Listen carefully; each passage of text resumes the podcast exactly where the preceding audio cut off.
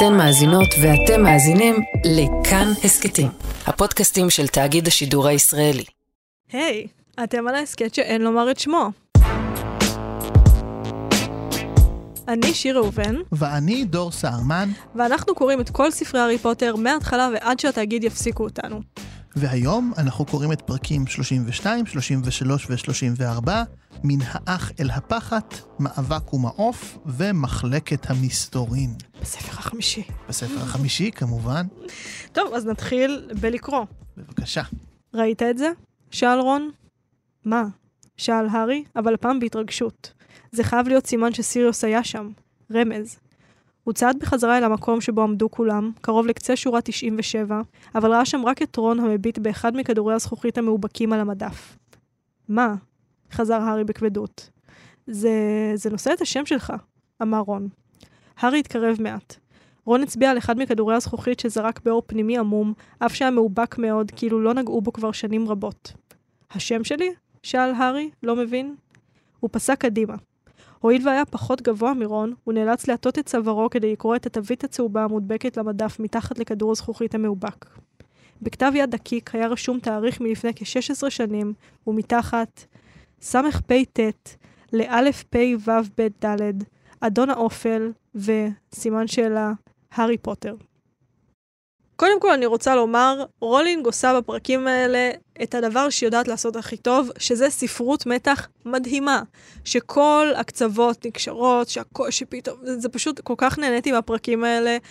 עלילתית, כאילו העלילה פשוט זרמה, היא פשוט storyteller ית מדהימה. מדהימה. גם באיך שהיא מספרת זה, גם באיך שהיא בונה מתח, גם בזה שאנחנו...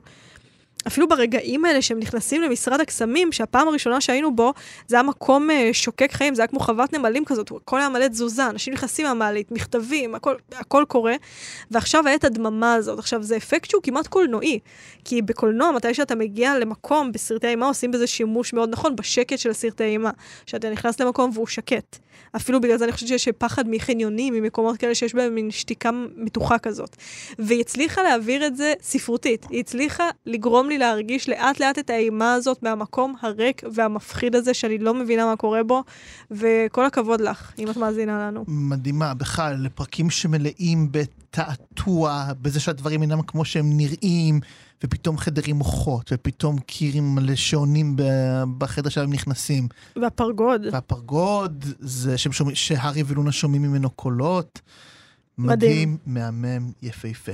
זה גם באמת מה שהייתי מצפה למצוא במחלקת המסתורין. נכון. כאילו, נכון. בניגוד לכל מיני מחלקות מבאס, נגיד אתה מגיע למחלקת המשפטים, והיא נראית בדיוק כמו מחלקת האוצר בעולמנו המשעמם. ובעולם הקסמים, מחלקת המסתורין, בבקשה, מסתורין. הנה מסתורין. קסם. כן. כי, כי אנחנו ראינו את משרד הקסמים בפרקים ההם, והוא פתאום נראה כמו דבר כך בירוקרטי ואפור, כמו יום שאבא שלך לוקח אותך לעבודה. והנה, מחלקת המסתורין היא כאילו התמצית של התמצית של עולם הקסם. והיא באמת מסתורית. אני מאוד נהניתי. יפה.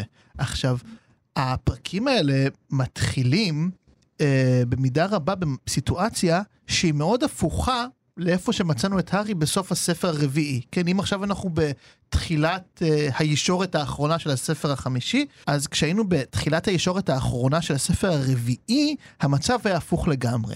אז הארי הרגיש שיש לו הרבה מאוד אנשים לפנות אליהם.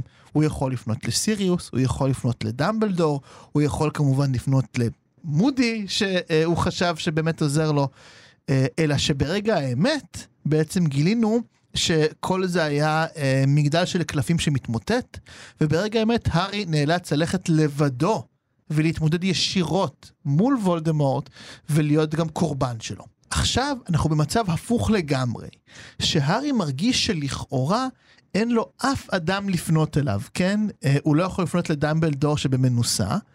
אה, סיריוס נלקח, אה, מגונגל לא נמצאת.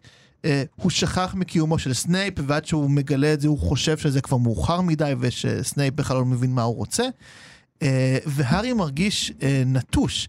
אבל מה שהוא בעצם לא קולט זה שהוא במצב הפוך לגמרי, לכאורה אין לו למי לפנות, אבל הפעם הוא ביחד. יש אנשים שרוצים לבוא, והחברים שלו רוצים, אפילו לא רק רון והרמיוני, גם ג'יני, נביל ולונה, נדבר על זה בהמשך, הם רוצים לבוא ולהצטרף אליו. בדרך כלל בקטעים האלה, אה, הארי אה, תמיד צריך להיות בשיאו.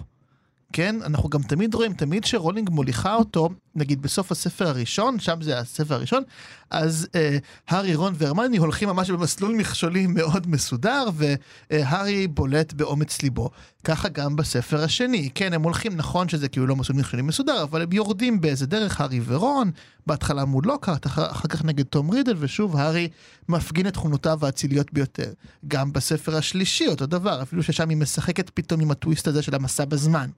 אז הוא עובר את זה שוב. אגב, קלטתי עכשיו תוך כדי שדיברת, שבספר השני להארי ולרון היה מסע לבד, ובספר השלישי להארי והרמיוני היה מסע לבד. כל אחד עבר עם הארי, כן. זה, ובספר הרביעי הוא עובר את זה לבד. Uh, שוב, במסע שהוא לא ציפה ללכת אליו, אבל גם יש פה איזשהו משהו מובנה, כאילו מישהו בנה את זה עבורו. זה mm-hmm. מאוד, הוא גם היה בטורניר שנה שלמה, במין כן. מסע כזה. והנה פה בספר החמישי, גם לא ברור בכלל מה המסע, ולאיפה מגיעים, וגם הארי לא נמצא פה בשיאו, ההפך, הוא כועס, הוא מקלל, הוא נוהם, כאילו, הוא מדבר פה כנוהם, הוא פתאום הופך לענק. כאילו. הוא גם מוביל חבורה, וזה חשוב, אני חושבת שהכוח הגדול של הנהגה בדרך כלל היא שאתה גורם לאנשים לרצות ללכת אחריך. אתה גורם להם, אתה מגייס אותם למטרה שלך. כאן, אני חושבת שכל החבורה, אף אחד מהם לא חושב שזה רעיון טוב.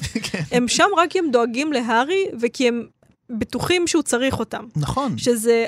אי אפשר, אני אפילו חושבת שאפשר לקרוא לזה הנהגה. כן, אני כן, חושבת לא. שאפשר לקרוא לזה קבוצת תמיכה אולי, אבל הוא לא מנהיג אותם. עכשיו, הוא אולי מוביל, אבל הוא לא מנהיג. נכון, עכשיו, הארי ממש פזיז ועצבני פה. עכשיו, צריך להגיד, זה לא כי הארי הוא רע, אלא זה בגלל שהרמיוני בעצם צודקת באיך שהיא מנתחת פה את הארי, גם אם צריך טיפה לכוון את זה. כי הרמיוני הרי אומרת להארי שכאילו, יש לך קצת תסביך גיבור. כן, מה שגם לפעמים כאילו אומרים עליך בקטע רע, אבל יש פה משהו ווולדמורט יודע לשחק על זה. עכשיו, אם נכוון את זה קצת, זה נכון.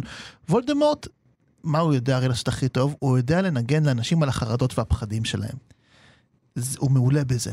אה, והוא זיהה מה יוכל להפעיל הכי טוב את הארי, מה תהיה החרדה הכי גדולה שלו, הופ, לקחתי את סיריוס ואני גם מתעלל בו.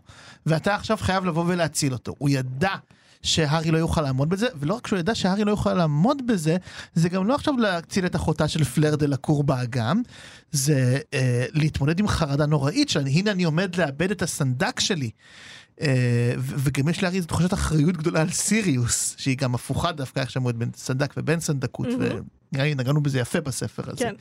אה, ולכן וולדמורט תופס פה את הארי בדיוק ברגע שהוא רוצה לתפוס אותו, שהארי יהיה פזיז ונמהר, וזה להוציא מהארי גם את כל התכונות העצבניות, החוסר סובלנות שלו, הזה שהוא מרגיש שאף אחד לא מבין אותו, למרות שכולם בעצם דואגים לו. שוב, זה לא כי הוא רע, זה כי לא. כמו שדמבלדור אמר בספר השני יפה מאוד, קוסמים מבוגרים ומוכשרים בהרבה נפלו במלכודות של הלורד וולדמורט. האמת שזה, יש לי הסתכלות קצת אחרת על הדבר הזה. לכי על זה. אמ, כי הארי באמת חווה חזיון שוולדמורט מענה את סיריוס, וזה באמת המנוע שמניע את הפרקים האלה, ומכאן גם את סוף הספר. עכשיו, אנחנו עדים כאן, קודם כל, ליחס השונה של הארי ווולדמורט לאהבה. ובשלב הזה, עוד מעט הרי נגיע לנבואה, שמי יודע מה נאמר בה, אבל אנחנו מבינים שיש בין הארי לבין וולדמורט איזשהו קשר. וזאת תמה שמבשילה לאורך הספרים, אה, והיא היחס שלהם לאהבה. אפשר אפילו, אני חושבת, לרדד את כל השוני ביניהם, אם היינו צריכים לתת אותו בשורה אחת, אחרי שבאמת ריכזנו אותו וריכזנו אותו וריכזנו אותו וצמצמנו אותו וצמצמנו אותו וצמצמנו אותו, זה היה היחס שלהם לאהבה. היחס של הארי לאהבה לא כל כך מוגדר לנו במילים, אבל היא נמצאת לאורך כל הפעולות שלו. ובמיוחד כשהוא מתעקש להציל את סיריוס, ואפשר גם לקחת את מה שהרמיוני אמר, את התסביך גיבור הזה שלו. כלומר, הארי יותר מהכל הוא אדם אמפתי.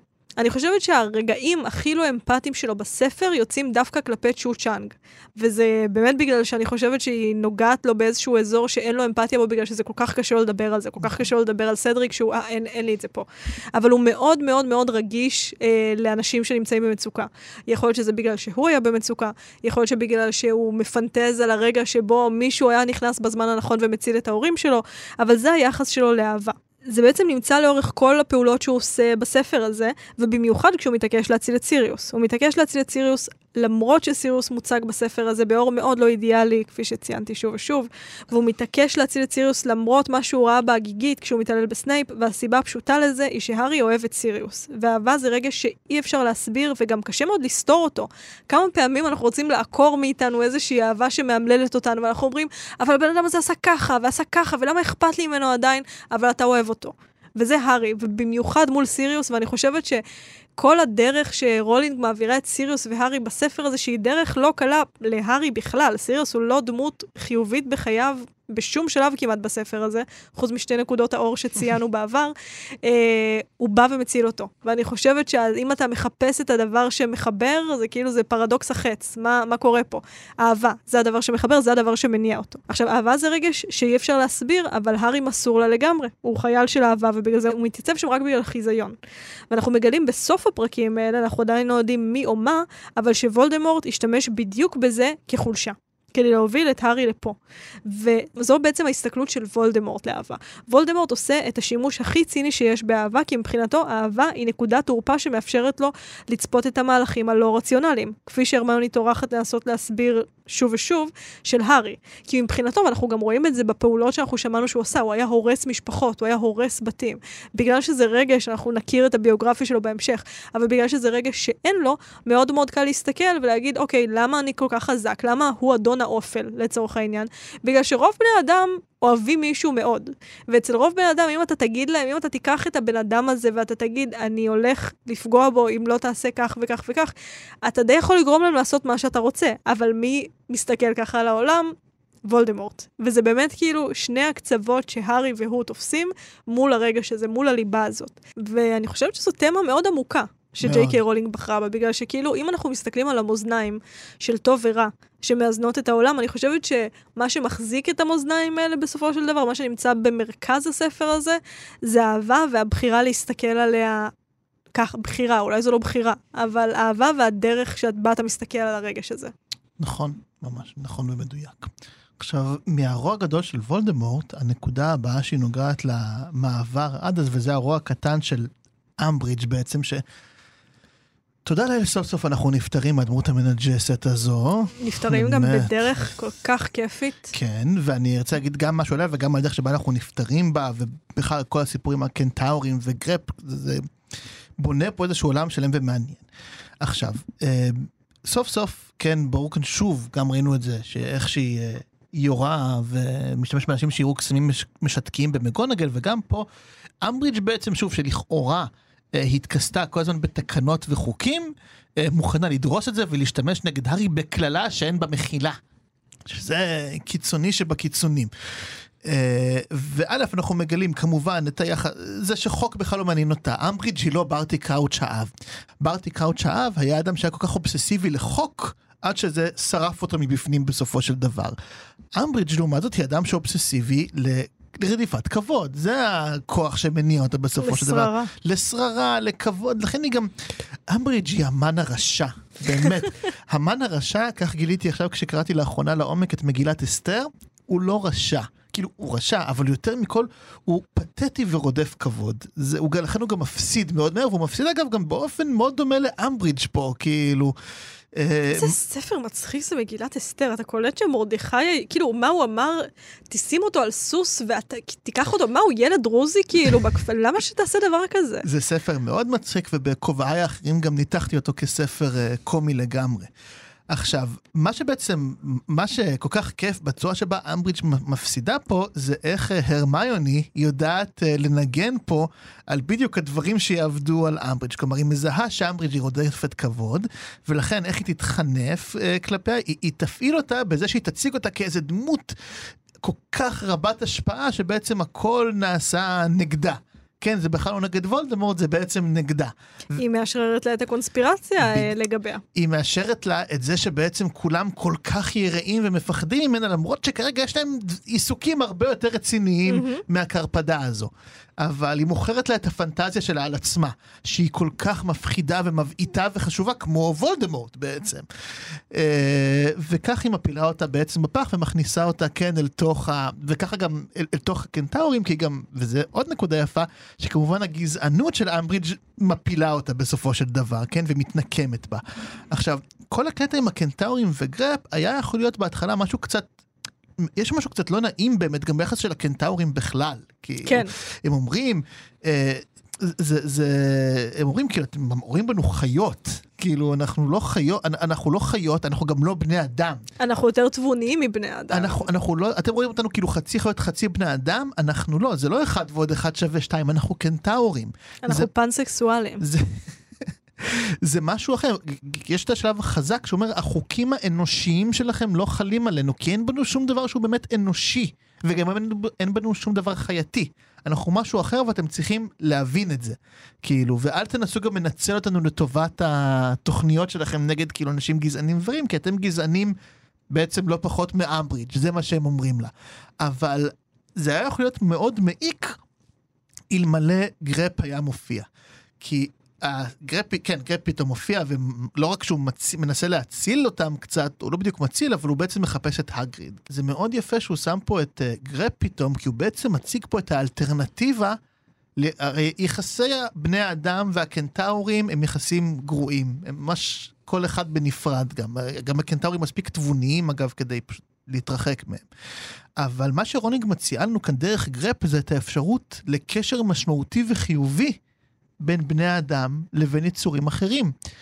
כי אה, גרפ אוהב את אה, הגריד, והוא מחפש אותו, והוא אפילו הצליח ללמוד קצת, קצת אנגלית כדי לתקשר בסופו של דבר, מרוב שאכפת לו, מרוב שהוא חש את, ה, את הרגשות האנושיים האלה של מצוקה, שהוא מחפש את אח שלו, שידאג לו, היחס, נראה כמעט חסר סיכוי הזה בין הגריד לבין אה, אח שלו, לבין גרפ, הוא אלטרנטיבה. למציאות העגומה מאוד של עולם הקוסמים עם כל מיני גזעים אחרים. וזה מאוד יפה שברגע הזה שגם נפטרים מאמברידג', אנחנו מגלים שאפשר אחרת. בסוף, אם באמת נשקיע בזה את הזמן והמשאבים, אפשר ליצור תשתית בריאה יותר. או-הו, כמה יש לי להגיד על, על זה. לכי okay. על אוקיי. זה. קודם כל, מה שאהבתי ברגעים האלה, זה שאנחנו רואים עד כמה אמברידג' אטומה. כי היא כל כך נאחזת בדברים האטומים שהיא חושבת על העולם, שהיא לא מסוגלת לקלוט שהיא בסכנת חיים. ולכן היא אחת הדמויות השנואות בסדרה, כפי שאנחנו מציינים. עוד הסבר לדבר הזה זה שאמברידג' היא פשוט טיפשה. כאילו, יש לנו דמויות נלעגות בסדרה, יש לנו את פילש, יש לנו את פיבס, אבל אף אחת מהן היא לא דמות סמכותית, הן דמויות שוליות, הן דמויות נלעגות. אמברידג' באמת כל כך טיפשה, שיצר ההישרדות שלה, שזה לא להתגזען על עדר קנטאורים עם קשתות דרוכות, זה משני לדברים שהיא חושבת על העולם, לסולם הערכים שלה שקובע שהיא טובה יותר מהם, מעצם זה שהיא נולדה בן אדם.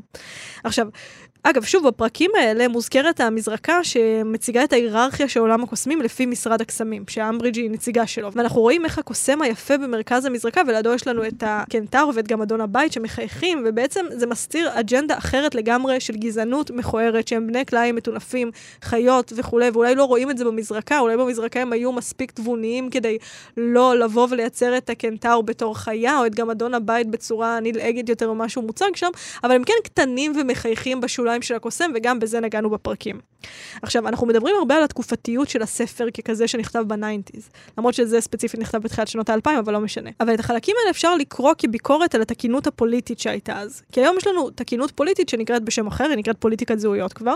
ופוליטיקת הזהויות, אם ניקח אותה לישראל, כפי שעשיתי גם בפרק הקודם, אומרת שקבוצה מסוימת בחברה לא תהיה מוגדרת יותר על ידי היחס של המיינסטרים אליה. לצורך העניין, מזרחים אומרים, אשכנזים לא יגדירו לנו מהי מזרחיות, אוקיי? אנחנו נגדיר מהי מזרחיות. עד עכשיו הגדרתם לנו מה זה מזרחיות אה, בסאלח שבתי, ובארץ נהדרת, וברק בישראל. נגמר הסיפור הזה, נגמרו הייצוגים האלה של אה, עוזי כהן אוכל בננות. אנחנו מגדירים מהי מזרחיות, לכם אין את המנדט יותר להציג כמו אנתרופולוג קולוניאליסט שבא ומגיע וממיין ומתייג ועושה מדריך אה, פרחים או מדריך בני אדם לעולם. עזוב את זה שמרוב reclaiming כבר עשו סיבוב שלם וזה נהיה אותו דבר רק שהיפסטרים פשוט מקיימים את הסטריאוטיפים האלה, בגדול זה מה שהדבר הזה אומר. וגם ב nineties או בתחילת שנות האלפיים, זה לא שהיה מותר גזענות, אבל בסטנדרטים של אז היחס לשחורים בתרבות הפופולרית היה סופר גזעני. בסרטים, בספרים, הדמויות של יעקו שחורים אלה הם החיקויים שהתאפשרו לאנשים שחורים. אפילו בישראל, כמו שאמרתי, ארץ נהדרת, הדמות של עוזי כהן קיקוף, אלה ייצוגים אוריינטליסטים, כי הם באים ואומרים לקבוצה, אני המיינסטרים, שולל ממך את המורכבות שלך, והופך אותך לדמות חד-מימדית שמשרתת את מה שמתאים לי. למה אני נכנסת לזה? כי רולינג מבקרת בדיוק את זה. בין הפער בין המזרקה, שבמשרד הקסמים, שבה יש אה, קנטאור מחייך, לבין להקת הקנטאורים שאומרת, אנחנו לא חיות שמשרתות את בני האדם, את לא תקראי לנו חיות, אנחנו לא מצייתים לחוקים שלכם. זה להגיד, העולם התרבותי שלכם לא תקף כלפינו, ואת לא תשפטי אותנו לפי החוקים של העולם התרבותי שלך, יש לנו חוקים משלנו. עכשיו, זה עוד רגע שרולינג מאוד מאוד מאוד מקדימה את זמנה בו, וזה יפה מאוד. כי הקנטאורים האלה יכולים במשל להיות פמיניסטיות כועסות, שאומרות לגבר לא לקרוא להן חמודות, או מזרחים שאומרים לה אשכנזי לא לקרוא להם ערסים, ואפשר לתפוס את האלימות שלהם כאלימות נגד לאג'נדה שמציגה המזרקה הזאת, לדמות שלהם בארץ נהדרת שקובעת עבורם מה זה קנטאור, וגם מדכאת ומשתמשת בהם בהתאם. אבל, וזאת נקודה יפה, זאת עדיין אלימות. ולכן מאוד אהבתי, שלמרות שזה די ברור לנו שהקנטאורים צודקים.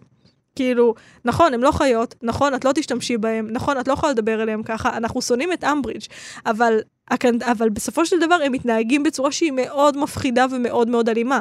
מאוד אפילו... מאיימת, מאוד. ובגלל זה אני מאוד אהבתי את הרגע הזה שבו אה, הארי, אה, הרמוני אומרת, הוא יכול להרוג אותם, והארי אומר, לא כזה אכפת לי אם הם ימותו. כאילו, אין לי כוח לחרא הזה. אלימות זה אלימות ותירגעו. וגם הרמוני, הכניסה שלה כאן לוויכוח, זה מישהו שנכנס לוויכוח ואומר, כשהיא אומרת, אנחנו רק רצינו שתעזור, אנחנו לא כמוה, אנחנו רק רצינו שתעזור, וכזה, את חושבת שנעזור לך? את חושבת שתשתמשי בנו? זה כמו מישהו שנכנס לוויכוח פייסבוק ואומר, אה, תראי, אני מאוד פמיניסט, ומקבל, אבל... בדיוק, ומקבל מיליון כלל, לא, מה אתה אומר, איך אתה בלוק וריפור ובלה בלה בלה בלה.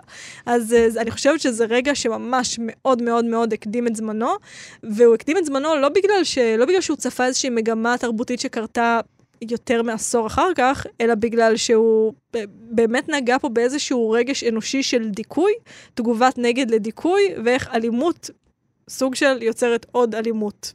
מצוין. עכשיו, הרגע שבו גרפ יודע לדבר ומחפש את הגריד, הוא נוגע ללב, כי אנחנו מבינים קודם כל שהגריד צדק.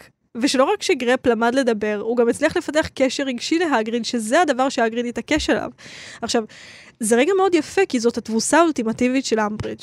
גם במאבק מול הקנטאורים ומול צבא דמבלדור, וגם במאבק הסמוי שהגריד ניהל מולה ועם התפיסות המיושנות שלה שקובעות מי הוא ומה הוא. יש קצה חוט שמראה שהגריד, בניגוד למה שהיא חשבה, ובניגוד למה שהארי והרמיוני חשבו, פשוט צדק. אפשר לחנך את גרפ, אפשר, הוא יכול לאהוב, הוא אוהב את הגריד והוא יודע לדבר עכשיו. הוא אפילו זוכר איך קוראים להרמיוני. שזה מדהים. ממש.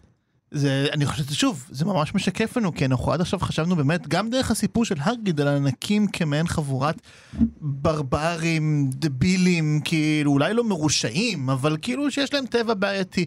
ואנחנו רואים שהם קצת כאילו כוונות טובות, אפשר להגיע ל- ליחסים אחרים לגמרי. לגמרי, וזה ספר באמת מאוד מתעתע במובן הזה, מאוד. בגלל שרולינג, היא הוליכה אותנו בכוונה לתוך המחשבה הזאת. היא נתנה לנו שום קצה חוט של, כאילו, הפרקים שבהם הגריד מראה להרמיוני והארי את גרפ, אלה פרקים של, אוקיי, הגריד איבד את זה, באופן השתגע. סופי, אנחנו לא יכולים להסתובב איתו יותר, you can sit with us, אנחנו לא נטפל באח הענק שלך ונלמד אותו, נעשה לו דאולינגו באנגלית, וביי. והנה והנה פה אנחנו רואים שהוא צודק, וזאת שוב הולכה ספרותית uh, מאוד יפה. וצריך כאילו פשוט, אתה יודע, הספר הזה כל כך מושמץ, ואנחנו כמובן מבינים למה. יש לו חלקים קשים. הוא ארוך מדי. חד משמעית. כאילו, ארוך מדי ובלי עלילה מדי ברגעים מסוימים, אבל יש פה גם המון דברים יפים שהיא עושה גם בפעם הראשונה. כאילו, הטעיה כזאת, היא לא עשתה לנו אף פעם. היא לא גרמה לנו להרגיש משהו אחד, ואז אמרה, והייתם גזענים ברגשות האלה שאני הכתבתי לכם. כשהספר הזה טוב, הוא כולל כמה מהשיאים הכי מדהימים של הסדרה הזו. אין לגמרי. ספק. Uh, עכשיו, uh, חלק שמאוד אהבתי בפרקים האלה זה שבעצם לראשונה, כן, לקראת הסוף תמיד זה היה uh, הארי, רון והרמיוני. או הארי לבד, כן, או עם חלקם וכולי. ופתאום מצטרפים עוד שלושה, כן? ג'יני, נביל ולונה. הם לראשונה מצטרפים לשלושתם, וזה ממש יפהפה. שדווקא שלושתם מצטרפים אליהם, כי בעצם כל אחד בשלישייה החדשה הזו הוא מעין גם שיקוף, גם השלמה וגם ניגוד לצלע אחרת בשלישייה. אני אתחיל מג'יני. ג'יני ברור, אני אגיד שהיא קשורה ברון, כן, זה ברור, כן, היא אחותו, ברור שהיא סוג של הצלע המשלימה לרון, אבל זה לא רק השיוך שלה אה, בקשר הדם שלה לרון.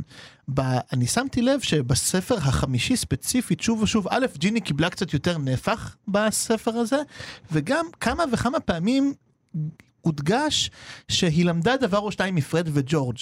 וגם הת... בשלב מסוים ממש בפרקים האלה, התעוזה שלה, ממש הארי חושב על זה, היא מושווית לפרד וג'ורג', כאילו, אומר כזה, וואו, היא בעצם ממש כמוהם, כאילו, ו...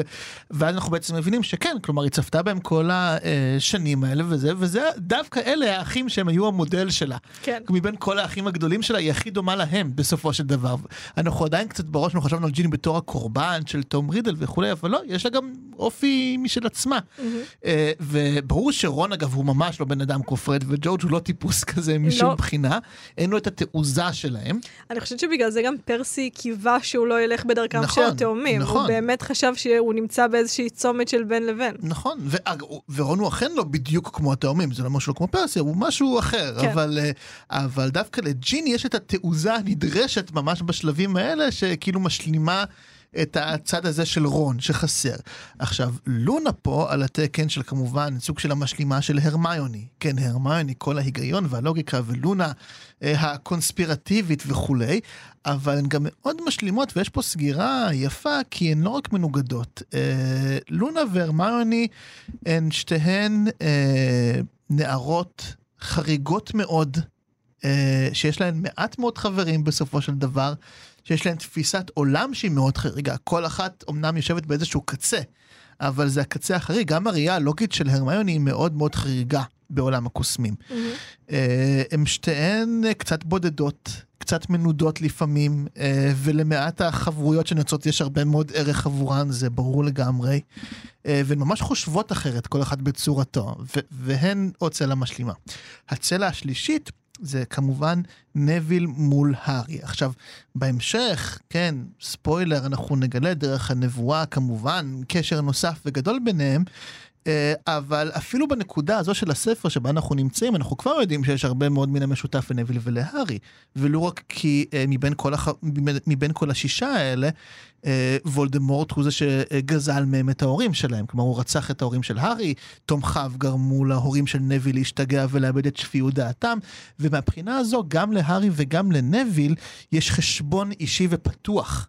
מול וולדמורט ותומכיו, שאין לאנשים האחרים פה בא- באותה מידה של עוצמה, כי וולדמורט גזל משניהם את ההורים שלהם, ומבחינה הזו שניהם דורשים גם, הייתי אומר, סוג של נקמה או התמודדות אה, מאיזושהי בחינה. אה, וממש אהבתי שדווקא שלושת הדמויות האלה, זה לא יהיה עובד עם דמויות אחרות. אה, העובדה שזה לגמרי. דווקא השלישייה החדשה הזו, היא באה מקבילה, משלימה, מנוגדת, לא משנה, אבל יש פה קשר מאוד אה, חזק לשלישייה המקורית. אני חושבת שזה גם מראה לנו מה המשקל של הדברים שהארי עשה. בגלל שצבא דמבלדור אולי היה איזושהי התארגנות נגד אה, מול אמברידג' שהוא לימד בה משהו, אבל אנחנו רואים שבאמת נוצר שם קשר מאוד מאוד אינטימי, לא רק במחויבות של האנשים האלה להארי, אלא גם בינם לבין עצמם. נביל, לונה וג'יני, נביל וג'יני הם לא באותה שכבה, לונה היא אפילו לא באותו בית איתם, היא נכון. גם לא באותה שכבה. ונוצר שם איזשהו משהו אמיתי שהוא באמת הבסיס לדבר הזה. עכשיו, זה לא מפורט לנו בספר, אבל אני לא מאמינה שהם היו באים איתו אם הם לא היו חברים. אם לא היה קורה. בצבא, אם צבא דמבלדור לא היה החוג הכי כיפי בעולם. טוב, וכאמור, אנחנו מסיימים את הפרקים כאן באיזה קליפהנגר משוגע. רוצה בין, שנקרא אותו? אה, מה, את הרגע של הסוף? יאללה, בואי יאללה. ניפרד, נעשה, נדמיין כאילו אף אחד מהמאזינים לא קרא את מה קורה אחר כך בספר, ויאללה, זה פשוט קטע זה כל קטע כך מהמם. מפחיד. קטע מהמם. כאילו, היא פשוט, היא באמת במיטבה כאן. לכי על זה. אוקיי. בדחף פזיז, הארי סגר את אצבעותיו על הכדור המאובק. הוא ציפה שיהיה קר למגע, אבל טעה.